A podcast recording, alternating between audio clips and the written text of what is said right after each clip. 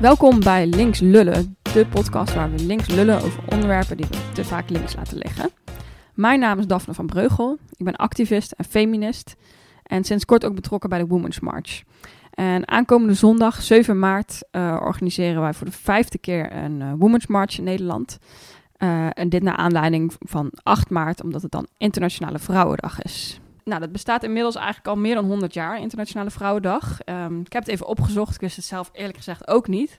Maar Internationale Vrouwendag gaat dus, uh, ja, het wordt dus internationaal gevierd, maar het gaat niet over vrouwen in het zonnetje zetten, maar het gaat echt wel over meer dan dat. Het is dus in 1908 ontstaan in New York, omdat vrouwen daar die in de textielindustrie werkten, gingen staken op die dag tegen de slechte arbeidsomstandigheden. En dat waren dus voornamelijk vrouwen die in de textielindustrie werkten. Um, dus nou ja, dat gaat dus breder over arbeidsrechten, over economische status van een vrouw. Uh, en daar gaan we dadelijk nog veel meer over hebben. Want vandaag hebben we namelijk te gast uh, Rachel Walker. Zij is vrouwenrechtencampaigner en feminist. En uh, is hier vandaag te gast op onze podcast. Dus welkom Rachel. Ja, dank je. um, nou ja, je bent dus feminist ten eerste natuurlijk. En leuk dat je hier aanschuift vandaag. Maar je bent dus ook vrouwenrechtencampaigner bij Action Aid. Um, maar vertel eerst eens, je bent, noem je jezelf echt feminist uitgesproken? Of, ja, zeker. Ja, ja ik denk uh, feminist ja, ben ik eigenlijk al, al heel lang. En dan mag ik dat nu ook uh, betaald inzetten, wat altijd mooi is. Dat is zeker mooi, ja. Um, bij uh, ja, vrouwenrechtenorganisatie ActionAid. Um, maar daarnaast is het ook iets um, wat voor mij ook terugkomt. Ik, ik, studeer ook deeltijd aan de kunstacademie en ben ook betrokken bij bijvoorbeeld de, de klimaatbeweging en de antiracismebeweging. En daar zie je ook dat het feminisme zeker zijn uh, plaats heeft. Mm. Dus uh, ja, het komt ook wel veel op andere plekken terug. Oké, okay, cool. Dus je zet het wel breed in. En niet alleen bij werk, maar op verschillende plekken. Ja, en in ja. mijn persoonlijk leven natuurlijk. Ja. Ik merk, uh, het is natuurlijk niet altijd straightforward. En dat je jezelf ook altijd uh, ja, aan het afvragen bent van hoe, uh, hoe zet ik gendergelijkwaardigheid bijvoorbeeld in mijn relatie neer. Um, ja, et cetera. En wat bedoel je daarmee met het is niet straightforward altijd? Ja, nou ja, we gaan het zo meteen bijvoorbeeld over feministische economie hebben. Mm -hmm. um, waar het veel gaat ook over uh, hoe waardeer je onbetaalde zorgtaken. Ja. Um, en nou ja, als ik dan ook kijk naar bijvoorbeeld uh, zorg of huishoudelijke verdeling bij mij thuis met mijn partner. Um, je hebt daar ja, verschillende vormen van. Je kan natuurlijk de taken goed samen oppakken. Maar als uiteindelijk de mentale druk van... oh, er moet eigenlijk wel een keer de badkamer schoongemaakt worden... of uh, dit moet ook een keer nog uitgezocht... of het papier moet naar de bak en dat je het gaat vragen... dan merk je dat, dat die, die macht, dat, dat soort van mentale druk... dat zit mm -hmm. nog steeds bij nou ja, de vrouw in de relatie. Ja, dus uh, ja, ja, dus het, het, het, houdt me ook wel bezig. En ik merk dat er zijn ook heel veel voor... Uh, momenten waarbij ik het ook niet zo goed weet. Ja, want daar moest ik nu ook meteen aan denken. Want ik ben zelf uh, even shout-out naar mijn favoriete podcast, Damn Honey. Oh, yeah. uh, en die, ja, ik vind het leuk ook dat zij natuurlijk ook het breder over, hebben, breed over feminisme hebben. En ook niet met een wijzend vingertje, maar gewoon hè, iedereen loopt tegen die dingen aan. Ook dingen. Ik ben ook zelf nog steeds zoveel lerende. Ik lees boeken en ook ja, in je gedrag. Of als je met vrienden erover hebt, realiseer je ineens dingen. Uh, ja, soms doe je zelf misschien ook dingen die niet zo vrouwvriendelijk of feministisch ja. zijn.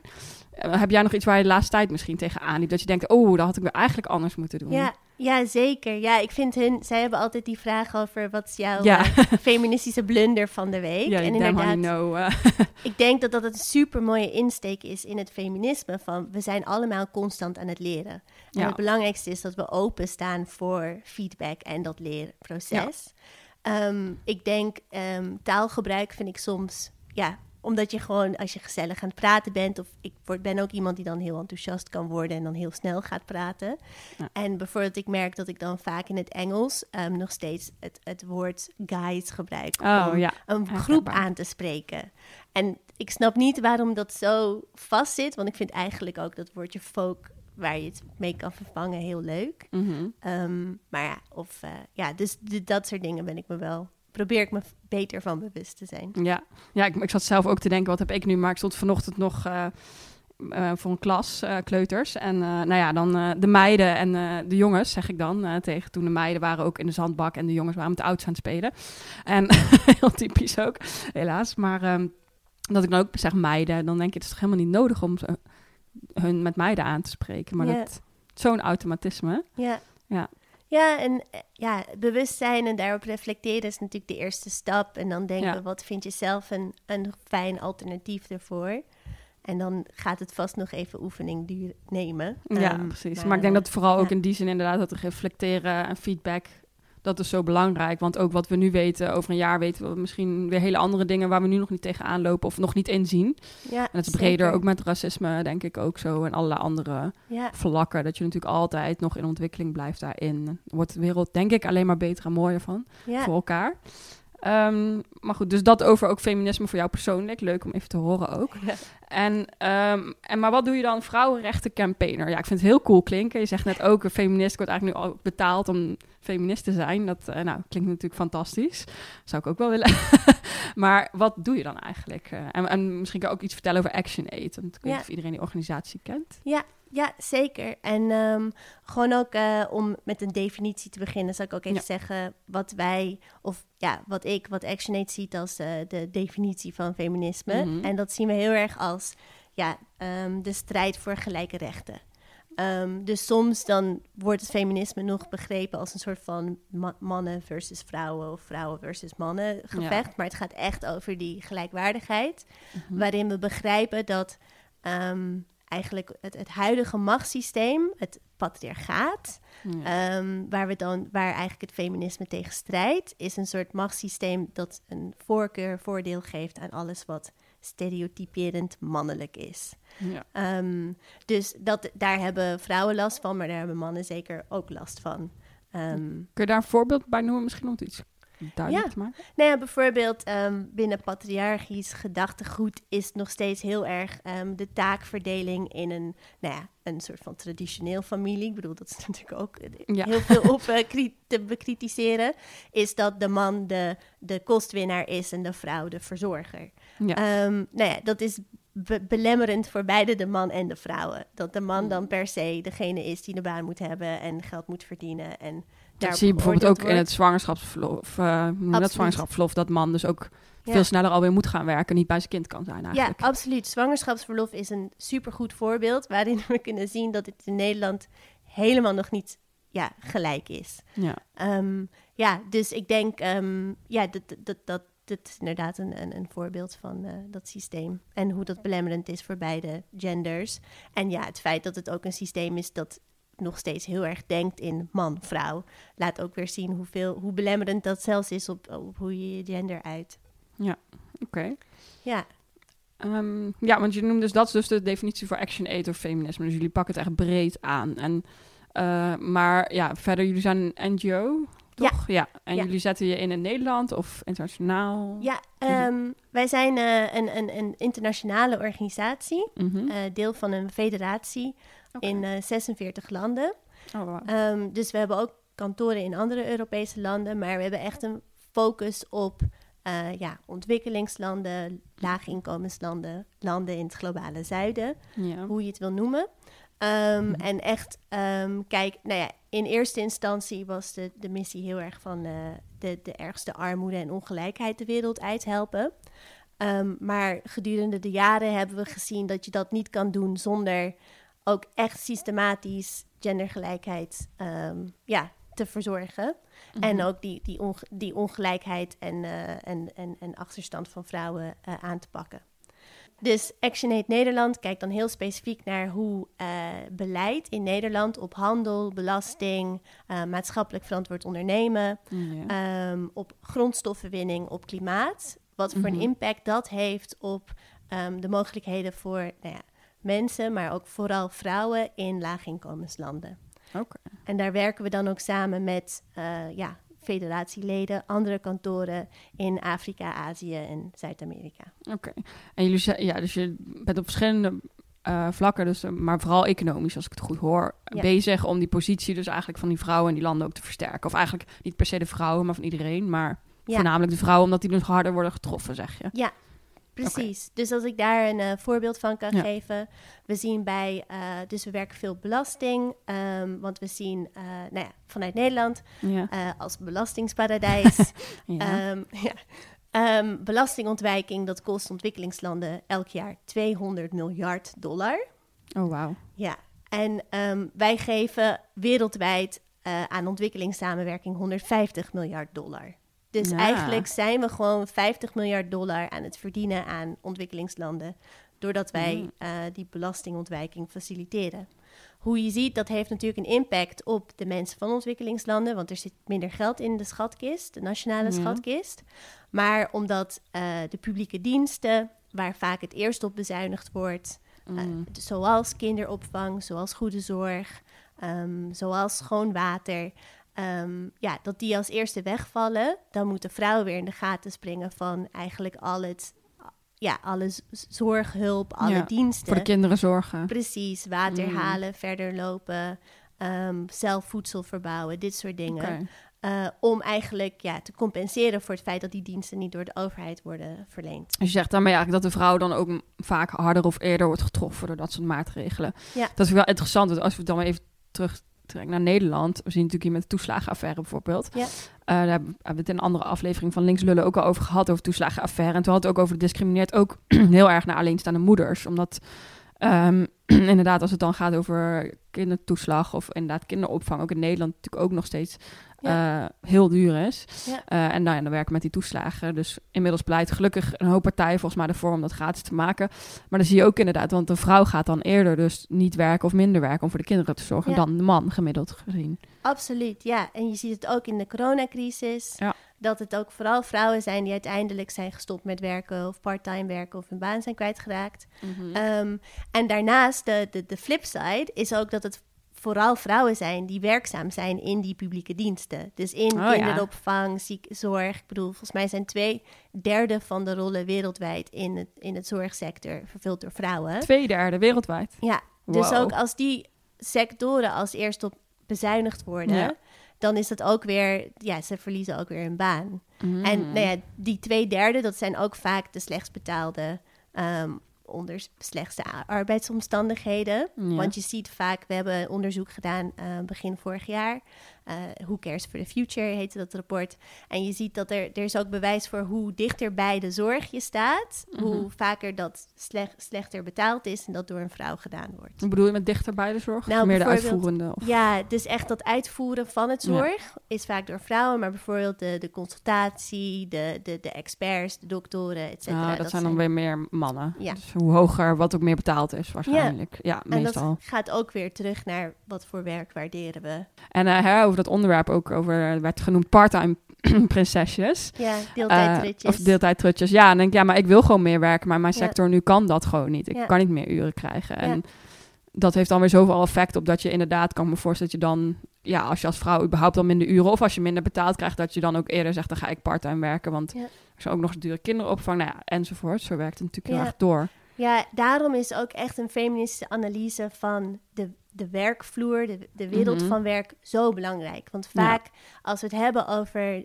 gendergelijkwaardigheid, feminisme, vrouwenrechten, hebben we het over hoeveel vrouwen staan er aan de top. Ja. En dat is natuurlijk belangrijk, want dat is ook super scheef. Als je bijvoorbeeld ook kijkt naar onze huidige overheid. Ja, dingen als coronacrisis management team. Ik bedoel, wereldwijd waren volgens mij de meerderheid van coronacrisis management teams niet eens een derde bestaand uit vrouw. Oh, maar ja, als je inderdaad kijkt naar de, er verder naar uh, hoe het verdeeld is. Inderdaad, de, de, de banen waar vrouwen vooral werkzaam in zijn, zijn vaker slechter betaald, onder slechtere arbeidsomstandigheden. En de eerste sectoren om op bezuinigd te worden in tijden van zogenaamde crisis. Mm um, en daarnaast inderdaad dit hele uh, stuk over um, fulltime werk. Ik, mhm. ik, ik, uh, volgens mij heb je het over de documentaire Waarom werken vrouwen niet? Ja.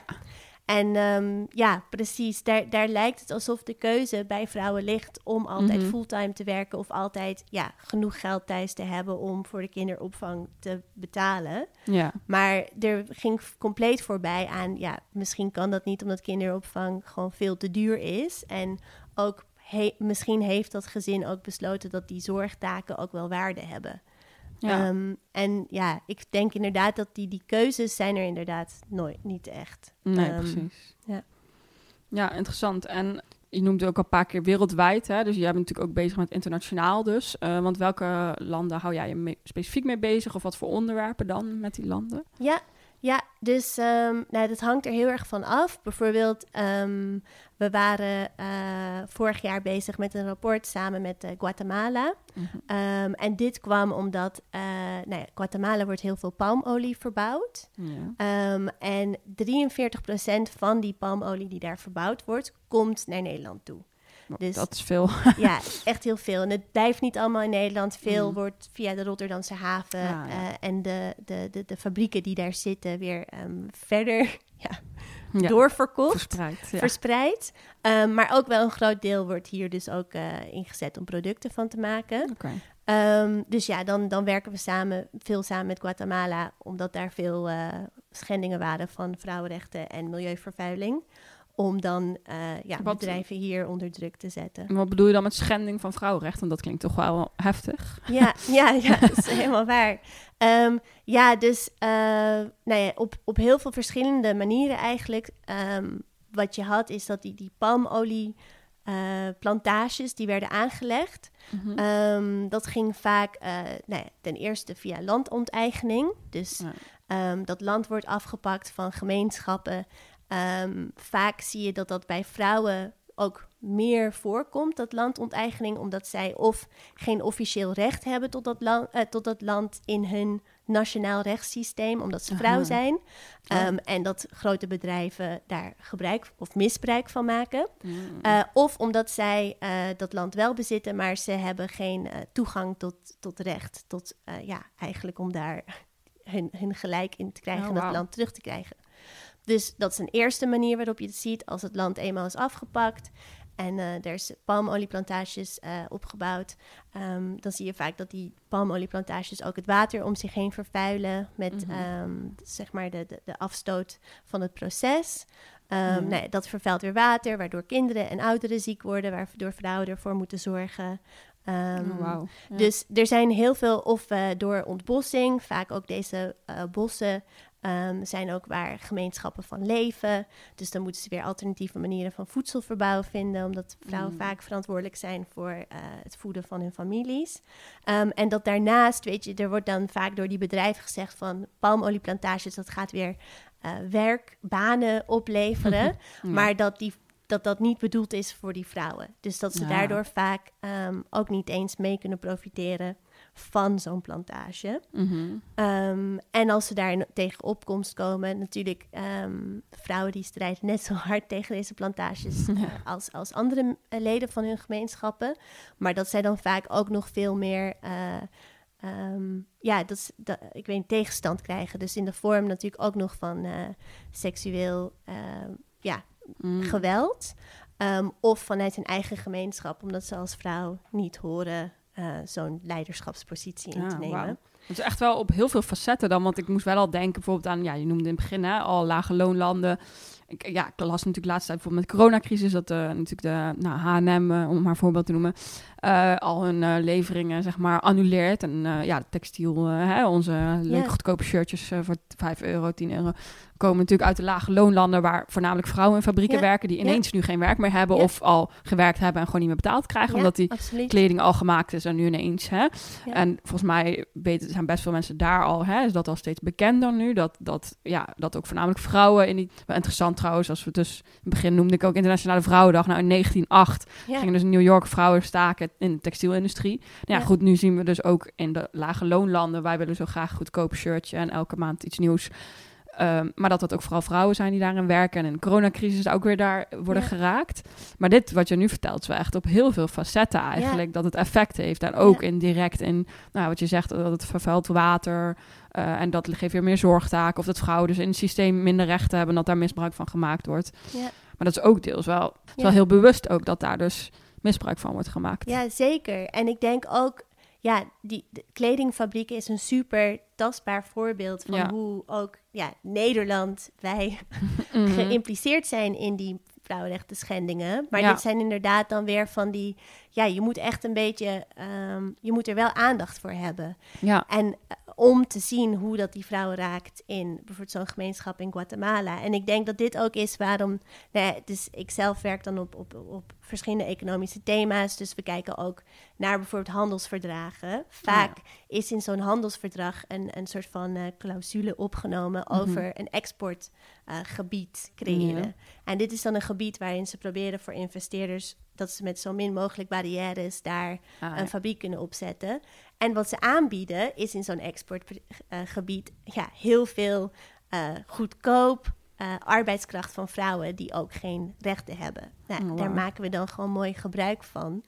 Um, en ja, pittig. ja, het laat gewoon zien ook hoe dat, dat economisch systeem, waar mhm. ja, vooral rijkere landen van profiteren, dat dat echt gewoon gestoeld is op de uitbuiting van vrouwen. Ja, best wel bizar inderdaad. Want dat is dus echt dat economisch feminisme ook om daar dus ook mee bezig te zijn. Want in die zin, in het begin dacht ik net ook al, ja, het feminisme van je noemt jezelf feminist. Je zei dat je al lang wel feminist bent. Um, ik ben er zelf de laatste jaren wat meer mee bezig. Um, en ja, je ziet natuurlijk ook een soort van nieuwe golf, nieuwe opkomst van het feminisme. Wat ook heel leuk is, vind ik. Hè? Dat, het, uh, ja, dat je wel lekker roze kan dragen als feminist. En wat meer uitgesproken en een bredere beweging. Heel anders weer dan natuurlijk uh, de beweging uit de jaren 60 en 70, tweede golf.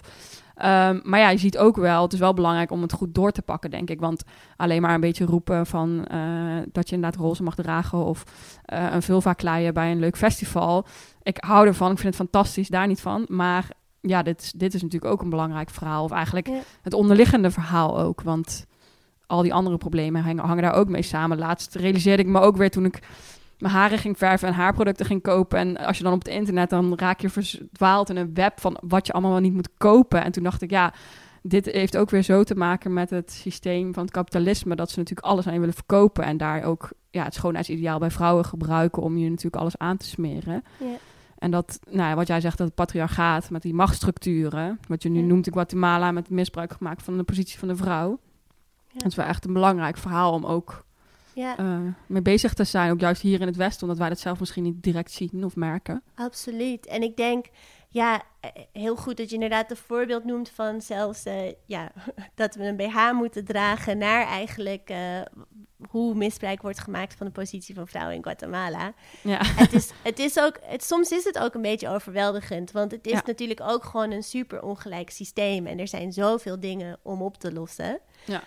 Um, en ja, natuurlijk, uh, feministen praten altijd over personal is political. Weet je, eigenlijk je hele zijn is, is eigenlijk deel van dat systeem. En vaak hoe, hoe jij keuzes maakt is een, is een manier om daar in opstand tegen te komen. Ja. Maar inderdaad, ik denk dat Um, het is natuurlijk altijd wel belangrijk, ook want wat je noemt met, ik denk, vulva kleien of zo, dat gaat vaak ook over dat gevoel van sisterhood, weet je wel? Dus dat gevoel van, van samen zijn, um, solidariteit. Brengt ook gesprekken op gang om het überhaupt over te hebben, denk ik. Precies, en dat is natuurlijk ook heel belangrijk in het feminisme. Je doet het niet in je eentje en daarom ook juist belangrijk om niet alleen bezig te zijn met hoe kunnen we het in Nederland verbeteren, maar ook hoe kunnen wij vanuit Nederland gewoon ja, met, met, met, met de keuzes die we maken voor de politiek, uh, in de verkiezingen, het ook beter maken voor vrouwen wereldwijd.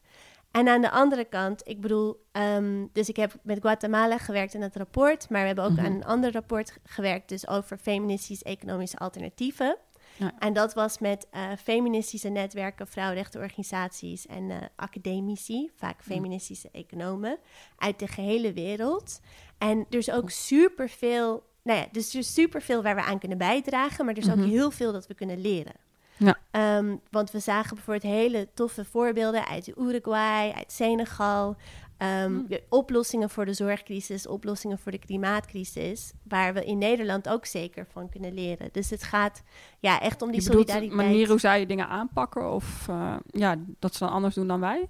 Ja, dus um, nou ja, feministische economie kijkt dus van uh, hoe kunnen we beter ja, zorg en welzijn centraal stellen in onze economie. En niet alleen maar economisch gewin en, en winst. Um, ja. um, en uh, vervangen we dus dit soort uitbuitende systeem. Um, en bijvoorbeeld in Uruguay heb je de National Care Act, de mm -hmm. nationale zorgbeleid. en dat heeft dus erkend dat iedereen het recht heeft om zowel uh, goede kwaliteit zorg te ontvangen, maar ook te kunnen geven. En dat de overheid dus ook alle zorgdiensten zelf coördineert. En dit is de, de uitkomst van jaren van ja, activisme door vrouwenrechtengroepen en feministen. Ehm, en dat is een heel mooi voorbeeld van hoe bijvoorbeeld we in Nederland eigenlijk veel meer weer voor ja, welzijn voorop zouden kunnen stellen. Mhm. En bijvoorbeeld in uh, Senegal heb je, nou ja, ehm, weten dat voor, om de klimaatcrisis op te lossen, moeten we uh, alternatieven vinden voor uh, ons, ons huidig um, agricultuur. Mhm. hoe we voedsel produceren. Want natuurlijk grootschalige monoculturen is heel, ja, hoe noem je het, vervuilend mhm. en uitbuitend. Um, en je ziet dat uh, een feministisch alternatief is uh, agroecologie. Mm Dus dat is heel erg dat je werkt met uh, biodiversiteit, kleinschalig. Um, ja, samenwerken met zeg maar lokale kennis van, van, van ja, de materialen die je op dat stukje aarde hebt.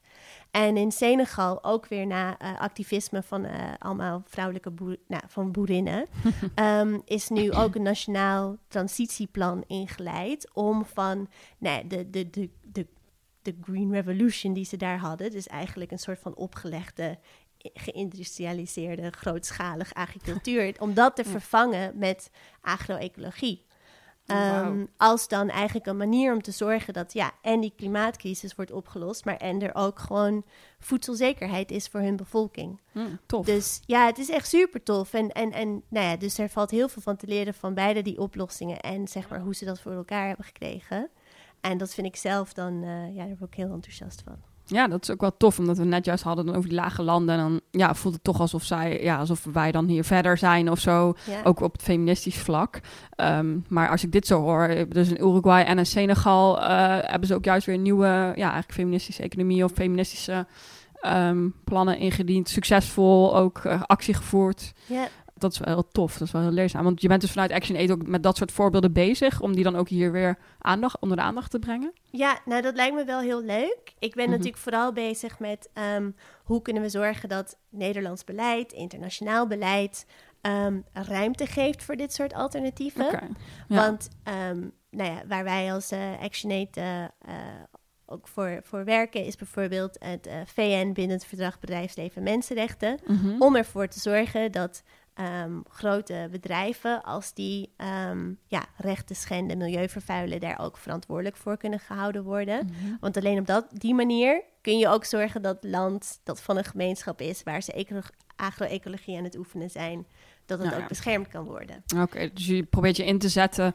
dat wij hier met het beleid niet eigenlijk die plannen ook gaan dwarsbomen. Precies, precies. Of in ieder geval ruimte geven, ja. dat is natuurlijk bekijken.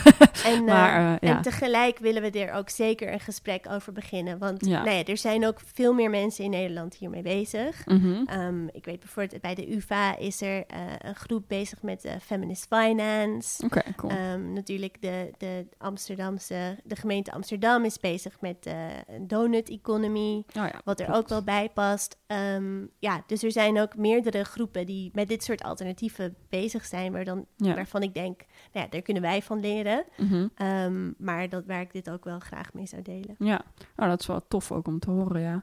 En in die zin uh, hadden we het in het begin, voordat we de podcast, uh, ik had jou uh, contact ook al over, hè. Ik ben ook nu betrokken bij de Women's Mars en zo zijn natuurlijk een heleboel feministische groepen of NGO's die zich met dat onderwerp bezighouden. Vooral gezien jullie natuurlijk ook breder betrekken. Er zijn natuurlijk een heleboel NGO's die zich inzetten voor een nou, betere wereld of een andere economie, een ander perspectief. Um, want je werkt dan, neem ik aan, dus ook wel samen misschien met andere organisaties. Ja, ja heel veel. Ja, dus uh, coalitiewerken. Nee, mhm. Aan het rapport hebben we dus met heel veel oh, over feministische economie met heel veel organisaties wereldwijd gewerkt. Mhm. Maar eigenlijk aan, uh, aan alles werken we samen. Dus uh, of het nou maatschappelijk verantwoord ondernemen is met het MVO-platform of belasting is voor uh, met Tax Justice Nederland. Dus, ja. Maar inderdaad ook voor, voor vrouwenrechten. We hebben ook nu een coalitie dat heet uh, Gelijk is Anders. Mm -hmm. um, en dat zijn verschillende vrouwenrechtenorganisaties in Nederland. En daar zijn we ook bezig met een uh, campagne. vooral rondom het regeerakkoord. Dus okay. dat, is nog, dat is nog een beetje in de maak, maar dat ja. komt na de verkiezingen. Um, dus ja, zeker belangrijk dat, dat we samen ook greater than the sum of our parts zijn. Precies, ja, dat is denk ehm, ik heel belangrijk. Ja. Ja, en uh, je noemde inderdaad verkiezingen. Uh, Die komen natuurlijk, want 8 maart Internationale Vrouwendag, maar ook op 17 maart, als ik het goed zeg, zijn er verkiezingen.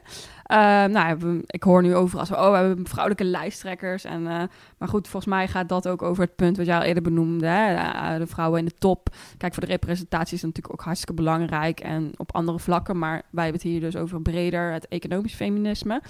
Um, maar jullie hadden met Action 8 volgens mij ook een manifest gelanceerd rondom voor de verkiezingen. Hè? Ja. Kun je daar wat meer over vertellen? Ja, zeker. Ja, dus we hebben uh, drie weken geleden de campagne uh, Echt Belangrijk, of wat is nou echt belangrijk, gelanceerd. Mm -hmm. En dat gaat ook uh, inderdaad over, vaak als je mensen vraagt, wat vind jij nou echt belangrijk?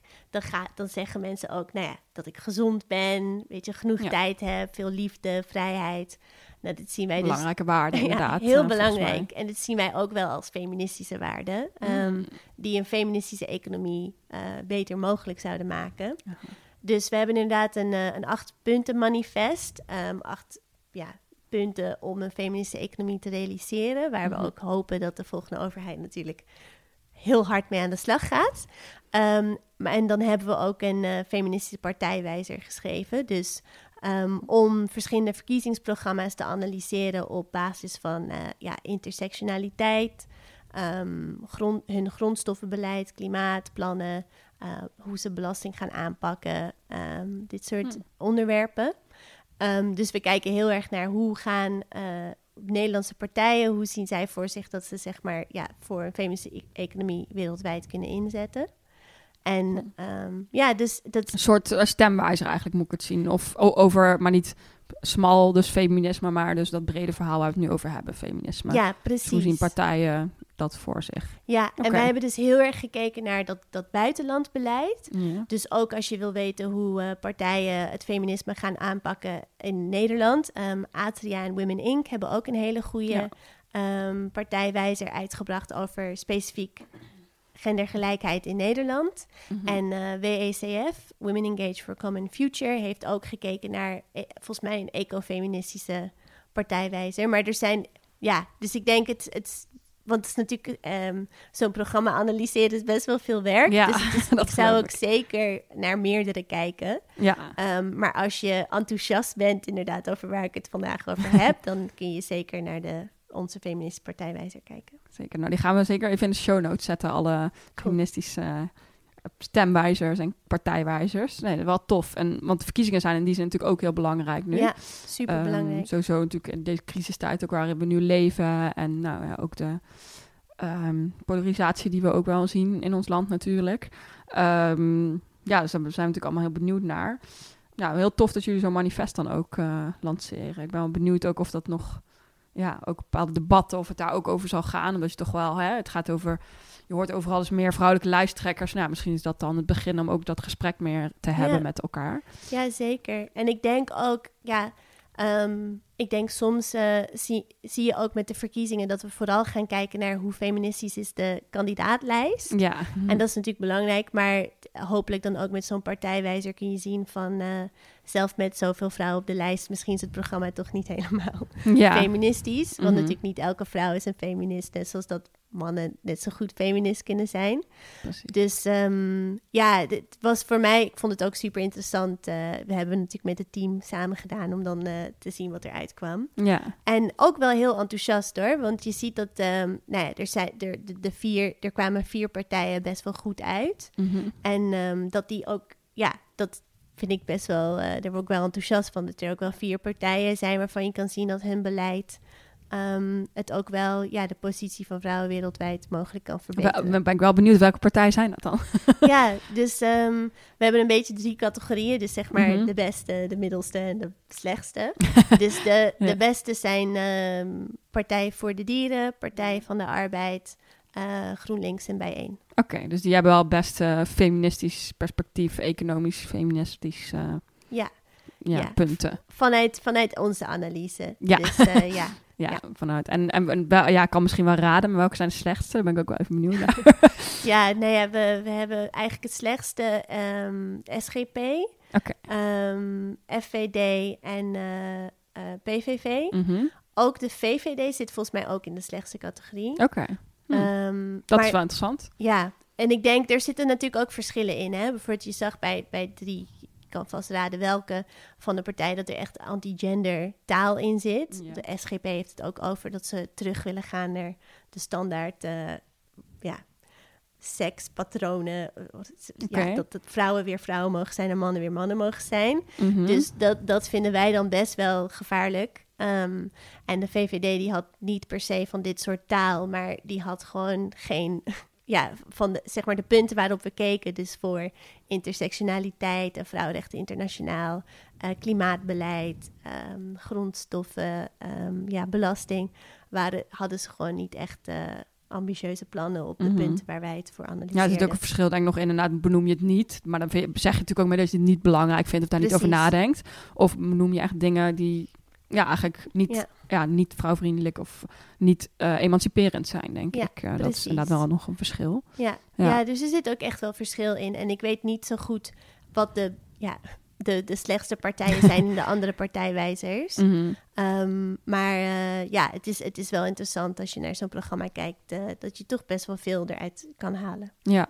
ja, en ook omdat je zegt klimaatbeleid, is het natuurlijk ook, hè, wat ga je aan het klimaat doen, omdat het ook weer internationaal volgens mij vrouwen ook weer harder treft op bepaalde punten. En, ja. ja, dus het is ook in die zin ook weer breder ja. belangrijk. Dan heb je een stukje over uh, vrouwenrechten in je programma staan. Ja, Absoluut. En wij kijken dus bijvoorbeeld ook heel erg naar wat zijn de klimaatplannen internationaal. Ik bedoel, je zag ook dat wel veel partijen niet mega ambitieuze plannen hebben op emissiereductie in Nederland. Ja. Ehm, vaak hebben ze het over hoeveel gaan wij CO2-uitstoot verminderen voor 2030. Ja, dat is het ding, weet je nu. precies, precies. En uh, bij de ene partij zag je, um, ze willen gewoon uh, ja, klimaatneutraal zijn 2030. En bij anderen was het weer echt zo 50% minder. Ja. Um, maar we willen natuurlijk ook kijken van, nee, je hebt het dan vaak over loss and damage. Weet je wel, dat de grootste vervuiler... Uh, oh. het, het, het principe van de grootste vervuiler moet uh, het meest meebetalen. Ja. Want je ziet nu natuurlijk dat ontwikkelingslanden nu al geraakt worden door de klimaatcrisis. Er zijn mm -hmm. uh, grotere en ergere overstromingen, um, ja, stormen, um, verwoestijning en daardoor ook ja. uh, land, uh, voedseltekorten. Mm um, en het idee is dus dat eigenlijk rijke landen moeten meebetalen met uh, de adaptatie eraan, maar ook dan ja. dat zij kunnen een transitie kunnen inzetten. Wij hebben het dan mm -hmm. vaak over een eerlijke transitie. Ja. Dus bijvoorbeeld um, van mijnbouw weg. Um, dat je dan niet alleen die mijnen dicht doet omdat het slecht is voor het klimaat, maar ook kijkt naar wat voor andere werkgelegenheid kun je creëren. Die dan bijvoorbeeld in uh, groenere energiesectoren is. Ja. Dus um, ja, daar kijken we naar, want dat is natuurlijk weer dat feministische principe van uh, ja, ja, machtssysteem bekijken mm -hmm. in mhm. zo'n crisis ook. Mm -hmm. En hoe we dat recht trekken. Ja.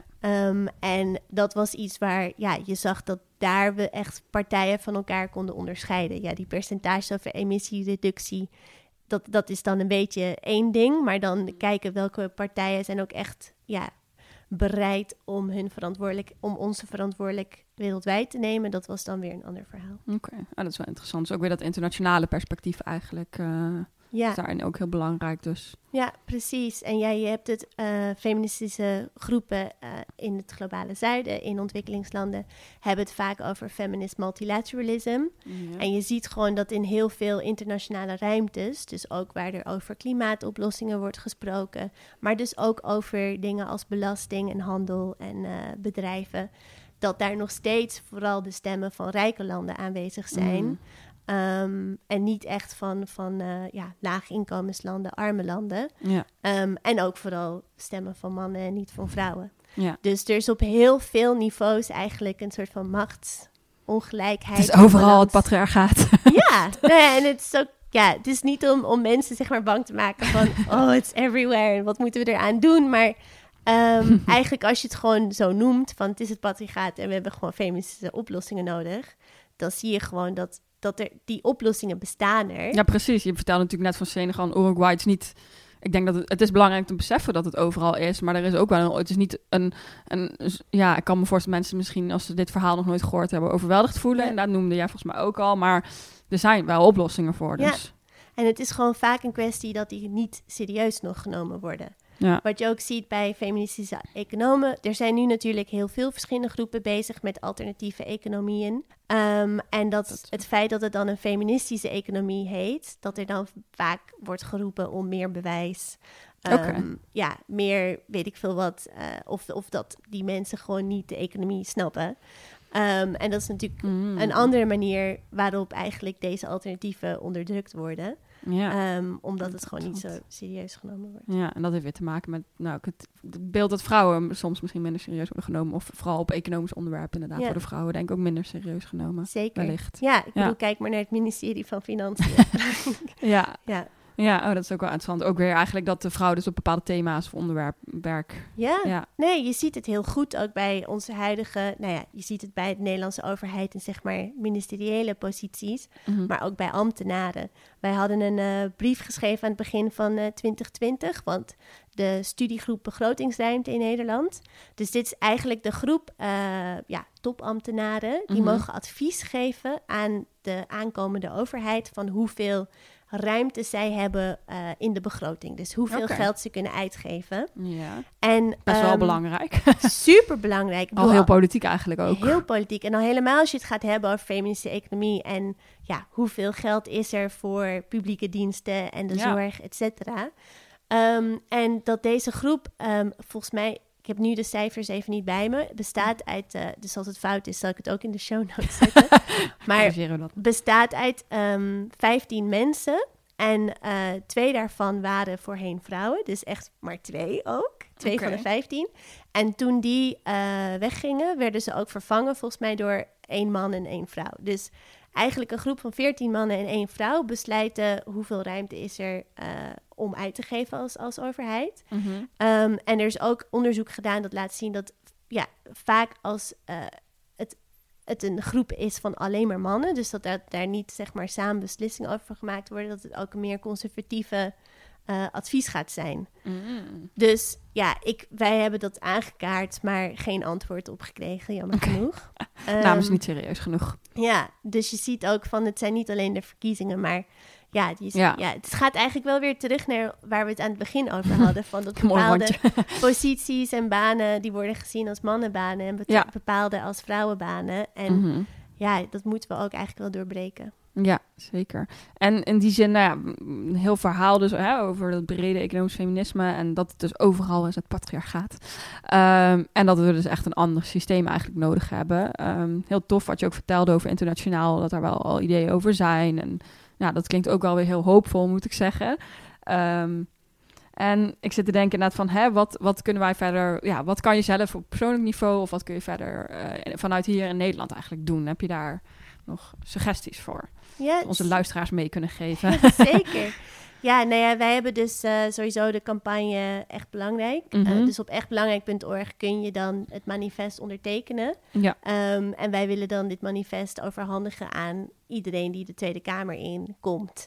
met uh, zoveel mensen willen dat jullie hiermee aan de slag gaan. Ja, leuk. Um, ja, er zijn verschillende uh, campagnes waar je... Ik ben een campaigner, dus ik denk meteen in, in acties. Uh, dus vergeef me daarvoor. um, wij hebben het vaak ook over campagnes, want natuurlijk je kan als consument ook een groot verschil maken. Mm -hmm. Maar vaak ja, is dat toch een vrij oneerlijk druk want mhm. bijvoorbeeld ook met, met het uh, palmolie uit Guatemala. Jij kan dan uh, op je nemen. Ik ga kijken naar wat zit er in mijn producten. Mm -hmm. dat je geen ehm, palmolie meer koopt. Precies, geen palmolie meer koopt. Maar wat wij dus ook vonden is dat zelfs um, uh, bedrijven die zeggen dat ze gebruik maken van gecertificeerde palmolie, dus duurzame palmolie, dat daar vaak ook niet duurzame palmolie doorheen gemixt zit. Ja, dus eigenlijk is er geen beginnen aan als consument zelf, omdat je er niet genoeg ook van weet. Ja, precies. En die informatie en het effect is ook minimaal waarschijnlijk als jij in je eentje... Ja. Nou, of tien mensen in een eentje. Ik denk, alles wat mensen doen zal uiteindelijk effect hebben. Ja, dat is um, maar, maar inderdaad, we hebben eigenlijk echt gewoon nodig dat het op systematisch, op beleidsniveau ja, verandert. Moet al drie stappen eerder veranderd worden natuurlijk. Precies. Dus um, ja, daarom ook dat ik het vaak over campagnes ga hebben. Want eigenlijk met je stem en door, je, door dingen te ondertekenen, bijvoorbeeld. Uh, we hebben ook het uh, initiatief Duurzame Verantwoord Ondernemen met een groep mhm. organisaties dat te ondertekenen. Um, ja, maar ook, ja, als je het interessant vindt, duik vooral in de materie. Mm -hmm. van Dana Shiva is een super interessante ecofeminist. Die schrijft over um, ecofeministische oplossingen uit het globale zuiden. Nancy Fraser, feministische economist, die ook praat over ja, waarom zijn die onbetaalde zorgtaken zo van waarde voor onze economie geweest en hmm. waarom die beter gewaardeerd moeten worden. Ja, heel ehm, relevant nu. Ja, En natuurlijk met de Women's March. ja, precies. Want je zei net al, uh, gebruik je stem. Uh, nou, de slogan van de Women's March dit jaar is ook Use Your Voice. Uh, ook omdat natuurlijk de verkiezingen eraan komen, maar ook breder gezien. Ja. en op 7 maart is er in ieder geval een, deels een fysieke demo demonstratie in Amsterdam. Hiervoor moet je wel aanmelden, want vanwege, vanwege, corona is het beperkt. Maar je kan ook dus sowieso de livestream volgen die dag. Er zijn een aantal toffe sprekers op het podium. En nou ja, die, dat is dus de dag, de zondag voor Internationale Vrouwendag. Um, dus sluit je hier vooral bij aan, zou ik zeggen. En ook op, uh, uit mijn hoofd, 9 maart is er dus ook s'avonds nog een verkiezingsdebat, ook vanuit Women's March georganiseerd, online te kijken. Uh, Action Aid is trouwens ook een partner van de Women's March, dat is ook leuk. Um, dus in die zin komen de feministische bewegingen al meer bij elkaar. En dat is ook uh, waar ik vanuit de Women's March ook betrokken bij ben, dat we ja, ook meer samen willen brengen en... Um, nou ja, de Women's March is daar dit jaar, die is afgelopen jaren ook georganiseerd. Fysieke demonstratie. Heel tof en heel belangrijk om daar aandacht aan te geven. Maar we willen nu ook meer het hele jaar door actief zijn. Dus ga ons vooral volgen op uh, al onze socials. En natuurlijk ook Action Aid. Um, en alle andere feministische clubjes. En als jij nu inderdaad als luisteraar denkt, nou, wat is dit voor systeem? Dit kan niet langer zo. Zet je dus vooral in. Er zijn zoveel manieren om je in te zetten. Volg ook gewoon clubjes die jij leuk vindt, waar jij je bij thuis voelt. Uh, je kan op de barricades gaan staan, daar hou ik persoonlijk enorm van. Uh, Maar misschien ga jij liever uh, een boek lezen hierover. Of ga ook thuis het gesprek aan met mensen om je heen. Je kan op zoveel verschillende levels je inzetten als feminist en activist. Um, dus doe dat vooral. En als je als luisteraar ook nog vragen hebt over het onderwerp, stuur het vooral in. Ja. Via onze Instagram kun je ons een bericht sturen. Um, ja, laat het ons vooral weten ook als je zegt, nou, dit moeten jullie nog bespreken of hier heb ik nog een vraag over. En wellicht uh, maken we dan nog een aflevering over het onderwerp, want ik ben hier in ieder geval nog niet over uitgepraat. Um, Maar ja, super interessant. Ik heb in ieder geval ook een hoop geleerd over uh, de verschillende facetten, wat dieper geleerd over economisch feminisme. Oh, mooi ja, dus dat vind ik wel echt heel tof ook. En uh, nou, belangrijk om hierbij stil te staan, denk ik. Um, ja, zeker. Ja, heel fijn dat ik hier ook over, mocht komen praten op uh, jullie podcast. Ja, tof. Nee, super fijn dat je er was. Bedankt. En um, heb je onze luisteraars nog uh, iets te zeggen ja, nou ja, ik denk als mensen zich hiervoor in gaan zetten, all the power to them. En uh, ja, ik, uh, ik kijk er naar uit om je als deel van de feministische beweging te zien. Kijk, dat is mooi. Dan gaan we allemaal hopelijk ook na corona weer echt elkaar echt ontmoeten. Dat zou mooi zijn. En bouwen aan een uh, betere wereld en ja. feministischere En het gaat wel helemaal belangrijk zijn na de coronapandemie. Dus ja. denk inderdaad dat dat ook een hele goede oproep is. Ja, en een mooie kans ook om, denk ik, ons economisch systeem ook anders in te gaan richten. Inderdaad. Zeker, ja. zeker. Dus daar blijven we voor strijden. Nou, bedankt voor het luisteren naar Links Lullen. Um, ik weet niet uit mijn hoofd deze mooie autotune die uh, normaal wordt gezegd, maar volgens mij iets van like, subscribe en deel uh, ons op al onze socials. En uh, tot de volgende keer.